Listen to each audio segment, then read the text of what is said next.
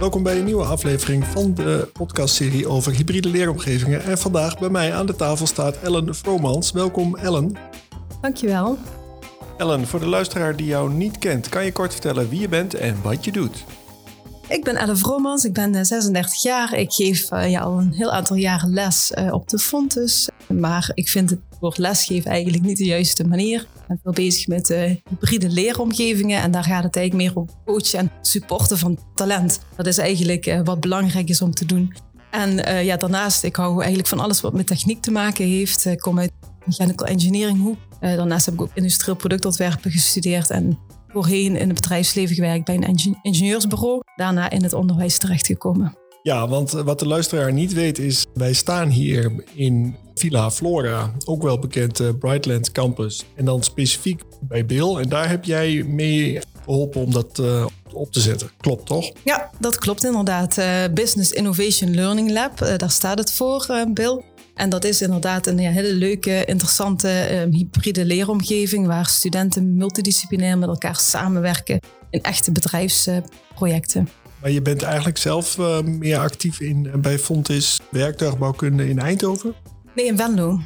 Ah, dus je werkt wel bij Fontes Engineering? Ja, ja ik uh, werk eigenlijk op, op wat verschillende plekken. Inderdaad bij werktuigbouwkunde in Venlo. Ik heb ook voor de AD Engineering uh, mee opgezet.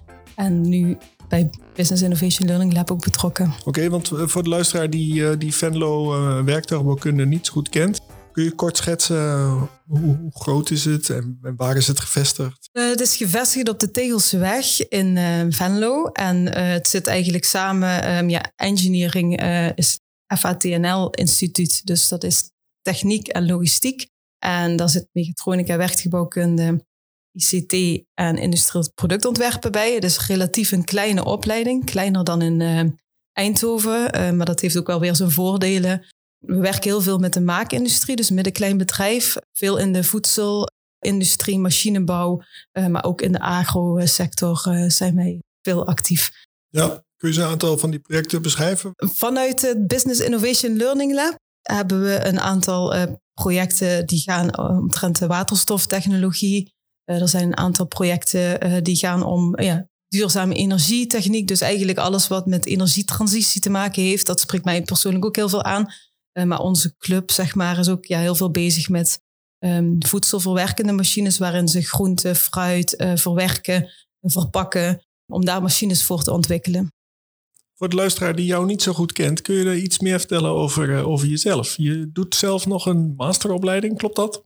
Ja, dat klopt. Uh, ja, leren, uh, leven lang leren natuurlijk. Dus ik uh, zit eventjes al in mijn werkende leven en ik ben nu een masteropleiding aan doen. die gaat ook over sustainable energy, maar dan vooral eigenlijk om hoe we die technische deel van die trans energietransitie kunnen waarmaken. Dus hoe zit het eigenlijk met hybride um, systemen van energie, um, brandstofsystemen, maar ook waterstof, energie ja, er komt eigenlijk heel veel, heel veel aspecten komen daarbij uh, aan bod. En ik denk dat jij heel goed bent in time management, want je hebt vier kinderen en een drukke baan. Klopt, ja. Ik uh, heb een fulltime baan, vier kinderen en een studie. Dus ik uh, ben wel goed in time management, uh, kan ik zeggen, ja. Tijdens ons voorgesprek heb jij aangegeven dat je duurzaamheid heel erg belangrijk vindt. Kan je aangeven waarom jij duurzaamheid belangrijk vindt? Ja, waarom is duurzaamheid eigenlijk zo belangrijk? ik zelf ben daar altijd al uh, ja, heel erg mee bezig geweest. Ja, alle bedrijven die uh, meewerken om ja, dingen te optimaliseren, beter, goedkoper te maken, maar vooral ook voor het milieu. Ja, milieuverbetering, uh, daar ben ik altijd actief bij betrokken. En er zijn een aantal heel erg leuke bedrijven waar ook die innovatie is, omdat die energietransitie, daar is nog zoveel in te halen, dat je daar ook heel veel innovaties kunt doen. Er zijn heel veel dingen zijn nog geen oplossingen voor. Dus hoe kunnen we nou energie, zeg maar, bijvoorbeeld op een goede manier transporteren zonder uh, ja, rendementsverliezen te hebben? Er zitten heel veel uitdagingen nog, ook in de toekomst. Zeker als je het met grote ja, bedrijventerreinen hebt. Als je het op grote schaal wil doen, dan is daar nog heel veel uh, in haalbaar. En daarin um, komen ook veel uh, bedrijven naar ons toe. Bijvoorbeeld uh, Heyberries, dat is een bedrijf die hebben bosbessen als product en die willen daar een oogstmethode doen. Maar ze hebben dan ook eigenlijk zonnepanelen boven die bessen staan, zodat ze eigenlijk ook minder in de zon staan, dus eigenlijk uh, beter zijn. En dan met die zonnepanelen wekken ze weer energie op, waarin ze het proces weer kunnen uh, verbeteren. Dus die plantjes moeten bewaterd worden, die krijgen bepaalde voedingssupplementen. En eigenlijk kun je daar heel veel technologie bij gebruiken om dat toch uh, ja, beter te doen voor de natuur. Nog eens een, een, een, onderwijskundige vraag. Dat heeft te maken met het stukje beoordelen. Heeft het bedrijf daar ook een zeggenschap in? Dat is een hele goede uh, vraag. Het beoordelen is denk ik uh, iets wat ja, natuurlijk wel heel erg belangrijk is, want je wil uiteindelijk wel eindcompetenties aantonen en een diploma mogen uitgeven.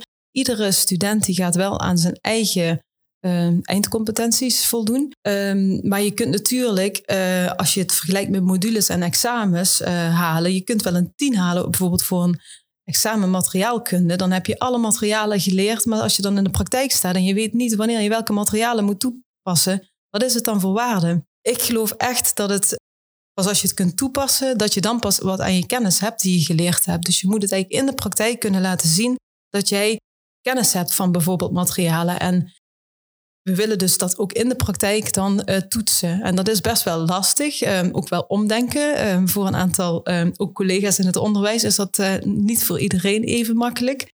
Maar uh, ik geloof echt dat het kan. En ja, het bewijst zich ook dat het kan.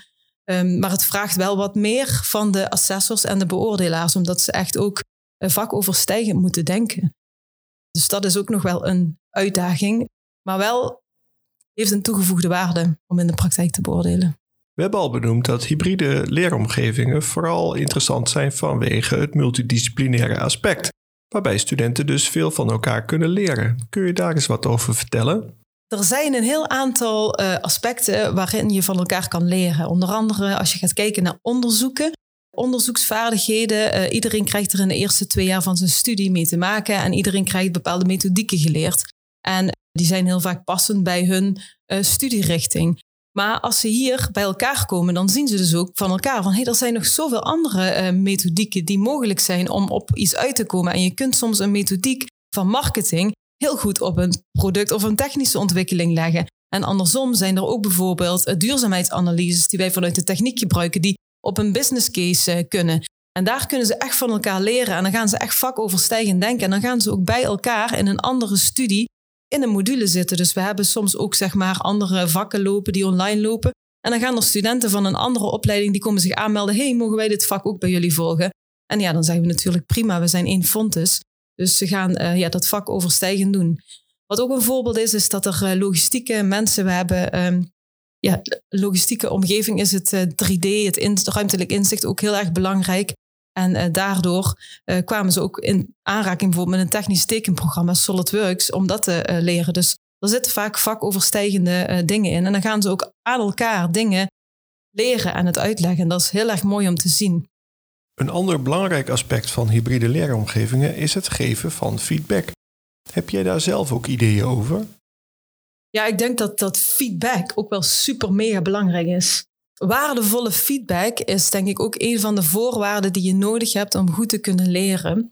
En die feedback die moet echt eigenlijk van verschillende uh, lagen komen. Dus je hebt de peer feedback, wat ik net eigenlijk al een voorbeeld van gaf. De student die een student iets uh, leert en dat ze ook op elkaar reflecteren. Dat is één. Natuurlijk krijg je ook uh, feedback van de coaches die rondlopen. Uh, dat is ook uh, een andere manier van feedback. Maar expert feedback, dus mensen vanuit het bedrijfsleven, zijn ook intensief betrokken bij het geven en het leerproces.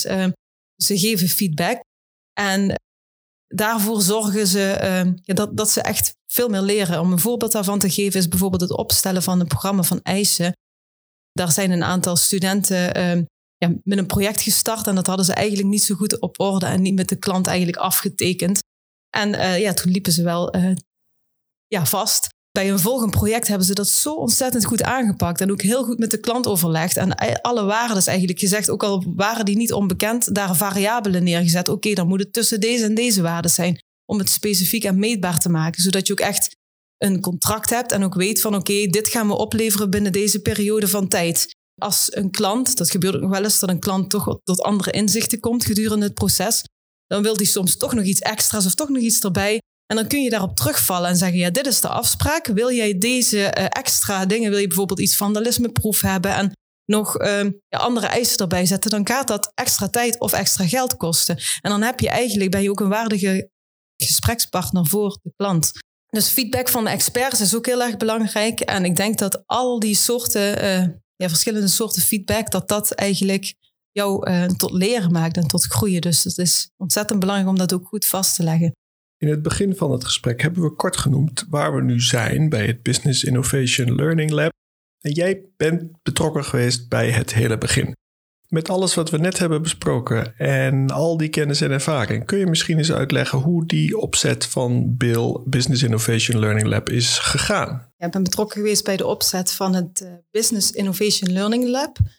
En uh, daar is het doel om multidisciplinair samen te werken. Dus met verschillende mensen uh, van verschillende domeinen, met verschillende achtergronden, samenwerken aan projecten, aan echte bedrijfsopdrachten. Het leuke daarvan is, is dat je veel breder kijkt. Uh, in de bedrijven, ik kom zelf vanuit de techniek, vanuit het engineeringsdomein. Het zijn heel erg leuke uh, technische vraagstukken, maar uh, engineers die zijn soms ja, gericht om vooral naar de techniek te kijken en hebben af en toe niet altijd het zicht op wat daar buiten zich afspeelt. En in veel opdrachten zit ook natuurlijk een logistieke context of een business case waar financiën, marketing en ook ehm, economie belangrijk is. In die projecten, daar uh, leren de studenten ook heel veel van elkaar. Ja, ze houden elkaar scherp en in het echte bedrijfsleven kom je elkaar ook natuurlijk uh, altijd uh, tegen en moet je samenwerken. En eigenlijk worden ze dan ook betere gesprekspartners van elkaar. Dus het zijn echt ja, jonge professionals die op een andere manier dan het reguliere systeem gaan samenwerken. Uh, hoe gaat dat precies in zijn werk? Um, je hebt normaal zeg maar een bacheloropleiding van vier jaar. En in die vier jaar tijd volg je gewoon een onderwijsprogramma en werk je naar je eindcompetenties toe. En dat doe je op een manier dat je vaak in een semestersysteem zit. Je volgt vakken, uh, modules en projecten en daarmee krijg je dan je diploma.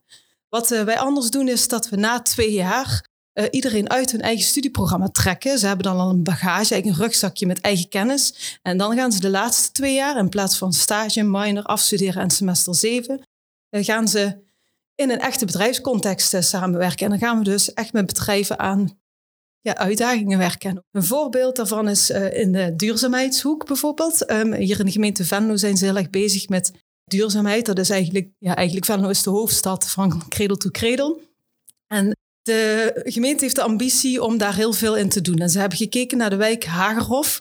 Um, om te kijken hoe kunnen we die nou verduurzamen. Dat is eigenlijk een wijk die ligt uh, ja, vlak naast de Maas. En daar hebben ze gekeken, kunnen we niet het water van de Maas gebruiken om onze wijk op te warmen. En daar is een speciale techniek voor, die heet aquathermie. En daar gebruiken ze eigenlijk het oppervlaktewater van de Maas om de huizen mee te verwarmen. En dan krijg je eigenlijk een soort van warmte- en koude opslag. En dat is natuurlijk best wel lastig uit te leggen aan zo'n wijk met mensen, want er woont heel veel diversiteit. Eh, er zijn mensen van allerlei um, ja, bevolkingsgroepen, ook de taalvaardigheid is niet overal hetzelfde. En eigenlijk wil je aan al die mensen heel simpel uitleggen wat aquathermie is en waarom je dat dan in je woning uh, zou willen hebben. En dan zijn studenten gaan werken aan een soort van manquette. Uh, er is in die wijk ook een woning, zeg maar, vrijgemaakt, die eigenlijk dient als een soort informatievoorziening, een klein soort museumpje waarin mensen dan naar binnen worden gehaald om te kijken van hoe kan ik mijn huis verduurzamen. En dan zie je voorbeelden voor isolatie, voorbeelden voor ja, hoe je met zonne-energie kan omgaan. Maar ook andere uh, dingen zoals van hoe kunnen we nou delen met ons gereedschap van de tuin bijvoorbeeld. Want waarom zou iedereen nou eigenlijk zijn eigen gereedschap moeten aanschaffen? Dan kun je beter met de community samen gebruiken. En daarbij, uh, in die voortuin, hebben ze eigenlijk een maquette gemaakt om ook die aquathermie uit te leggen. En dat is een van de projecten die ze gedaan hebben. En dat heeft echt ja, tot een succes geleid, omdat ze veel anders zijn gaan denken en echt met elkaar een innovatie hebben gemaakt. Dus dat is een van de voorbeelden van projecten die zijn afgerond. Er zijn er nog een aantal meer, maar een aantal zijn ook echt ja, geheimhouding helaas, omdat het innovatie is. Soms ook voor een bedrijf willen ze niet meteen uh, vertellen, maar ik kan er wel nog iets over zeggen dat dat heeft te maken met bijvoorbeeld een logistieke uh, verpakkingen. Er zijn heel veel uh, logistieke processen waarin verpakkingstechnologieën uh, zijn die niet duurzaam zijn. We produceren met z'n allen heel veel afval. Denk aan kartondozen die wij uh, bestellen met al onze pakketjes. Zeker in de coronacrisis uh, hebben we nogal wat extra besteld. Maar ook ehm, aan winkels, supermarkten die spullen naar huis brengen. Dat wordt allemaal verpakt en die verpakking, als je die duurzaam maakt, dan kun je nogal ehm, een verbetering krijgen in het milieu. En daar hebben studenten ook over nagedacht. Hoe kunnen we nou eigenlijk iets zorgen wat duurzaam is? En ja, daar kun je een aantal dingen mee doen. Want je moet gaan kijken naar het materiaalgebruik. Dat is altijd belangrijk. Maar het is ook belangrijk in de cyclus. Zeg maar, hoe vaak kan ik iets gebruiken? En als het dan gebruikt is, kan ik het daarna dan weer hergebruiken. En het liefst ook nog met behoud van kwaliteit. Dus dat je niet gaat recyclen met verlies van kwaliteit. En dat je dan op een gegeven moment uh, niks meer over hebt. Maar eigenlijk wil je het liefst behoud van kwaliteit hebben. Of misschien zelfs upcyclen. Er zijn ook zelfs materialen die eigenlijk slecht zijn, waarin bijvoorbeeld kankerverwekkende stofjes zitten. Ja, dat wil je niet in materiaal hebben. En als je dat eruit gaat halen, dan denk je van, oh, halen we eruit en dan hebben we goed materiaal. Maar dat is vaak niet zo makkelijk, omdat dan bepaalde materiaalkwaliteiten, bijvoorbeeld ja, de chemische of fysische eigenschappen veranderen. En uh, daardoor gaan we dan kijken om, kunnen we niet iets anders toevoegen, een ander additief uh, erin zetten om het materiaal dezelfde kwaliteit of nog een betere kwaliteit. Want je haalt het slechte materiaal eruit en je gaat het op een andere manier uh, toevoegen. En dan hou je eigenlijk je materialen veel beter uh, voor het milieu. Dan zijn ze eigenlijk, doe je het niet minder slecht, maar je doet het 100% goed. Dat is wel een heel groot verschil. Want heel veel mensen zijn er gefocust op van, oh, we gaan het gewoon iets beter doen. Maar dat is niet goed genoeg. Ja, en, en doe je dit allemaal uh, in je uppie of heb je collega's waarmee nee, je samenwerkt? natuurlijk heb ik heel veel collega's uh, waarmee we samenwerken. Um, in het Business Innovation Learning Lab ben ik coach engineering. maar er is ook een coach van logistiek. Um, dat is Joachim we hebben ook een uh, andere coach, dat is Marjolein. Uh, en uh, we hebben nog een eh, collega van de, Loog, van de ehm, VIPS, dat is Ronald. En samen coachen wij de groep, maar er zitten natuurlijk ook belangrijke andere dingen aan. Er moeten ook bedrijfscontacten zijn, dus de business development moet gedaan worden. Um, en ook de studenten die leren in de praktijk. En vaak komen ze dan ook tegen bepaalde dingen aan. En wij kunnen natuurlijk ook niet alle antwoorden geven op allerlei vragen waar ze tegenaan lopen. En dan staan we in direct contact met Fontes en dan kunnen we allerlei collega's daar inschakelen. Dus als we bijvoorbeeld iets willen weten over user interface, ehm, dus hoe, hoe gaat een gebruiker nou met bijvoorbeeld een verpakking om, dan roepen we een collega in die daar ja, heel veel lessen in geeft. Uh, en die komt dan erbij als expert om een workshop te geven. Zo is het ook met ethiek. Daar komen we ook wel eens tegen. Er zijn ook allerlei casussen te bedenken die rondom ethiek gaan. Dat kan met duurzaamheid zijn, maar dat kan ook op andere vlakken zijn. In de techniek kom je dat ook wel eens tegen. Als je bijvoorbeeld dingen gaat automatiseren en robotiseren. Dat is heel leuk en heel mooi. Veel uitdaging, maar je neemt ook de baan van mensen af. Um, dus er zit altijd zeg maar een, een ander aspect aan. Wil je dat wel? En in hoeverre wil je dat wel? Um, een project wat we ook gedaan hebben is om een um, optimalisatie te maken in een uh, logistieke ja, expeditie, uh, pick-and-place uh, systemen. En uh, dat, werd, dat wordt eigenlijk gedaan door mensen die een beperking hebben. En um, die mensen, daar willen we het werk makkelijker voor maken, zodat ze minder hoeven te dragen, te bukken, te sjouwen. Maar wel uh, moet het wel veilig zijn voor hun. En ook dat ze niet schrikken van als er een of andere gekke robot loopt. Dus hoe wil je nou eigenlijk de gebruikservaring, zodat ze ook echt eigenlijk snappen um, ja, dat het echt en dat het echt vriendelijk ook is. Dat is heel erg belangrijk. Dat zijn een paar dingen die kun je niet heel erg makkelijk bewoorden, maar dat is wel eigenlijk een hele studie over doen. Van hoe kun je dat nou eigenlijk goed laten verlopen? Zodat die mensen ja, ook het fijn vinden om met die robots te werken. En dat het niet iets engs is of iets lastigs. Afsluitend heb ik altijd drie vragen voor mijn gesprekspartners. En de eerste vraag is: welk boek heb jij recent gelezen? Ja, interessantste boek voor mij nu is Control uh, Systems Engineering. Dat is eigenlijk een, uh, een, boek wat eigenlijk over regeltechniek uh, gaat en ook systemen zeg maar kan regelen. Dat is echt belangrijk als je gaat kijken naar energietransitie. Als je het hebt over bijvoorbeeld als je gaat kijken naar installatietechniek, dan heb je warmteketels. We hebben bijvoorbeeld waterstof waarmee we energie kunnen opwekken, maar dan is die regeling ontzettend belangrijk. Want als je een warmtepomp hebt en dat wil aansluiten op elkaar, dan moet je daar wel iets van ja, kunnen begrijpen. En ja, om die kennis ja, daarin te koppelen, dat is wel echt een super interessant boek waar ik me nu helemaal in het graven ben. Allerlaatste vraag is: naar wie zou jij graag eens willen luisteren? Bas van de Akker, dat is de uh, ja, beleidsadviseur eh, duurzaamheid in de gemeente Venlo. En ehm, ja, om die energietransitie mogelijk te maken, heb je ook ja, beleid en de gemeente nodig. Dus het zijn eigenlijk de bedrijven, de scholen en de gemeente die moeten samenwerken. Top. Nou, super bedankt. En daarmee zijn we aan het einde gekomen van deze aflevering van de podcastserie over hybride leeromgevingen. Dankjewel, Ellen. Graag gedaan. Wat is je eerste reactie? Ja, leuk. Ik ga denk ik uh, wat meer podcast luisteren. En ook de luisteraars, uh, bedankt dat je helemaal tot het eind hebt geluisterd. Vergeet niet om je te abonneren, want binnenkort staat er weer een nieuwe podcast voor je klaar. Graag tot dan.